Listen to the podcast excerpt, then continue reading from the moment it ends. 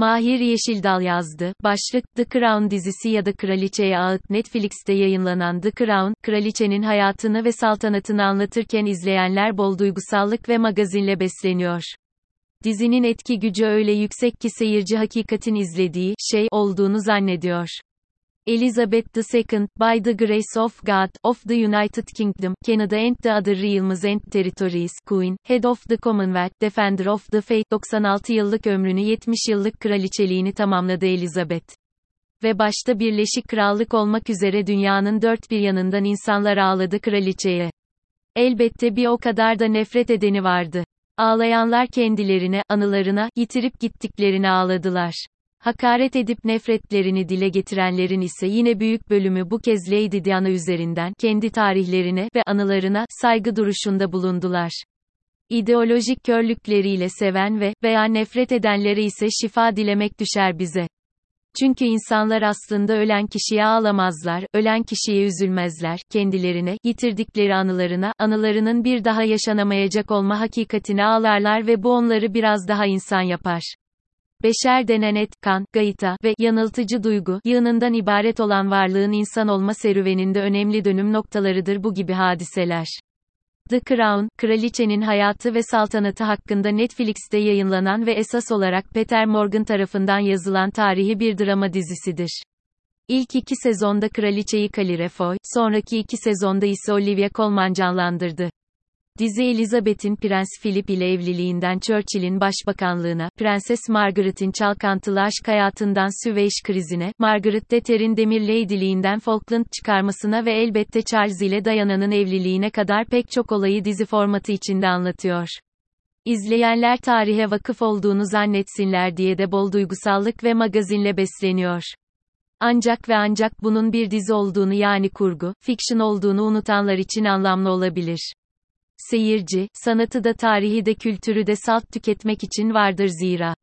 Seyirci için karın tokluğu sağlandıktan sonrası mümkünse bir miktar eğlencedir ki dizi bunu fazlasıyla sunuyor izleyiciye. Altın Küre ve EMMY ödülleri de bildiğiniz üzere vasat seyircinin takdirlerine göre belirleniyor hala. Nobel ödüllerindeki hak edene hakkını verme düsturu pek işlemiyor. Esasen diziye tepki gibi görünen yukarıda satırlar dizinin gücünü gösteriyor. Etki gücü o kadar yüksek ki seyirci hakikatin izlediği şey olduğunu zannediyor. Ki bu film endüstrisinin en büyük gücü olmalı. Alev Alatlı hocanın Hollywood ile ilgili tespitlerine şapka çıkarmanın demidir bu dem. Biz daha ziyade bir obituary, ölen kişinin arkasından yazılan yazı veya yapılan konuşma, tadımlı olarak kraliçe ile alakalı bazı noktaları paylaşalım. Queen Elizabeth II benim 42 yıllık ömrümde onunla ilgili pek çok anımın olduğu biriydi ve kendisine olan sevgim herkesin algıladığı gibi ya da algılamak istediği gibi siyasi sahiplerle değil daha ziyade bu anılar üzerindendi. Arkadaşlarım bana, hayat dedektifi, derler. Birini sevdiğimde onun hayatı ile ilgili pek çok ayrıntıya da vakıf olmak isterim ki bu beni yaklaşık 6 yıldır çalıştığım psikobiyografi alanına yönlendirdi.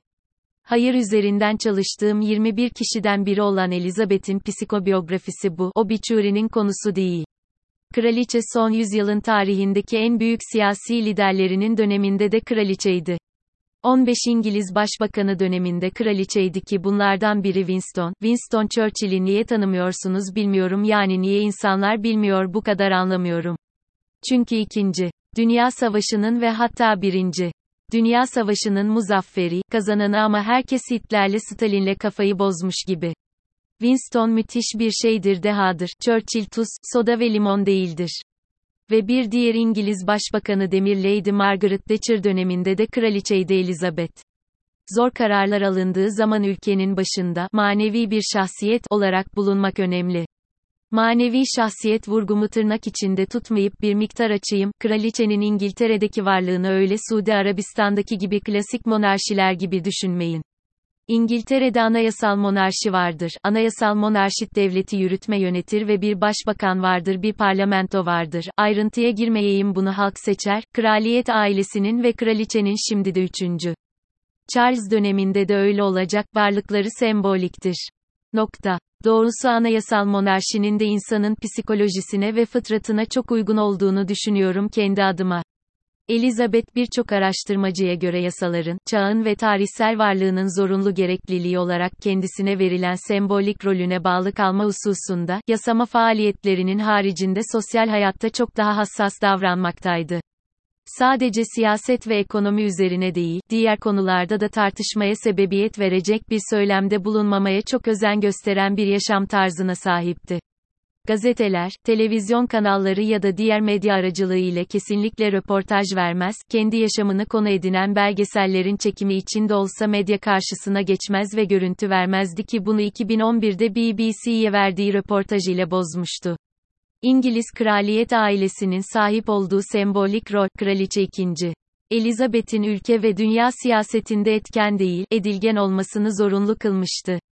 İngiliz toplumunda özlenen kültürel değerlerin günümüzde korunması ve aktif olarak temsil edilmesi yönünden Kraliçe 2. Elizabeth'in çok güçlü ve etkin bir sembolizminde taşıyıcısı olarak görülmesi 2. Elizabeth'in Birleşik Krallık halkı için çok sevilen bir kraliçe olmasını sağlamıştır. Oğlu King Charles III'ün de aynı şekilde hassas olacağını tahmin etmek güç değil. Merhum kraliçe atları ve köpekleri çok seviyordu, özellikle Corgis cinsi köpekleri. Öyle ki kendine ait bir köpek ırkı da yarattı, çiftleştirdi iki cinsi ve Dorgis isimli bir ırk yarattı. Roman okumayı çok seviyordu. Roman okuyanlara her zaman büyük saygımız olmalıdır. İnsan denen mahluku daha tesirli anlatabilen bir psikiyatriste veya psikoloğa denk gelmedim. Kraliçe Anglikan Kilisesi'nin başıydı. Hakkında hayatı boyunca yüzden fazla film çekildi. The Queen filmini bilirsiniz.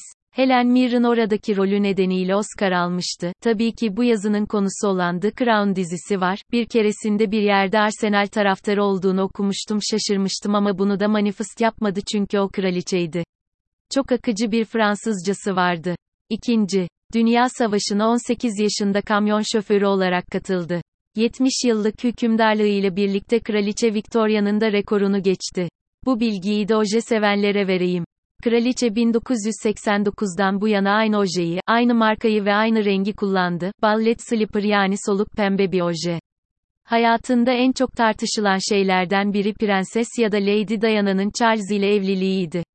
Bu tartışmayı anlamakta zorlanıyorum çünkü Charles Diana'yı sevmedi. O an evli ve şu anda da yeni kralın karısı olan Camilla'ya aşıktı. Şimdi bundan dolayı biz Charles'ı neden eleştirelim bilmiyorum, hiç aşık olmadınız mı? Aşk böyle bir şeydir. Eğer aşk konusunda bir kapışma yaşanacaksa bu dünyada veya diğer dünyada inanın kan gövdeyi götürür. İyisi kötüsü, hatası sevabıyla tarihin bir kısmına tanıklık ettik ve her güzel şey gibi bitti. Tartışmayı öğreneceğimiz günlerin gelmesini dilerim, umutlu olmasam da.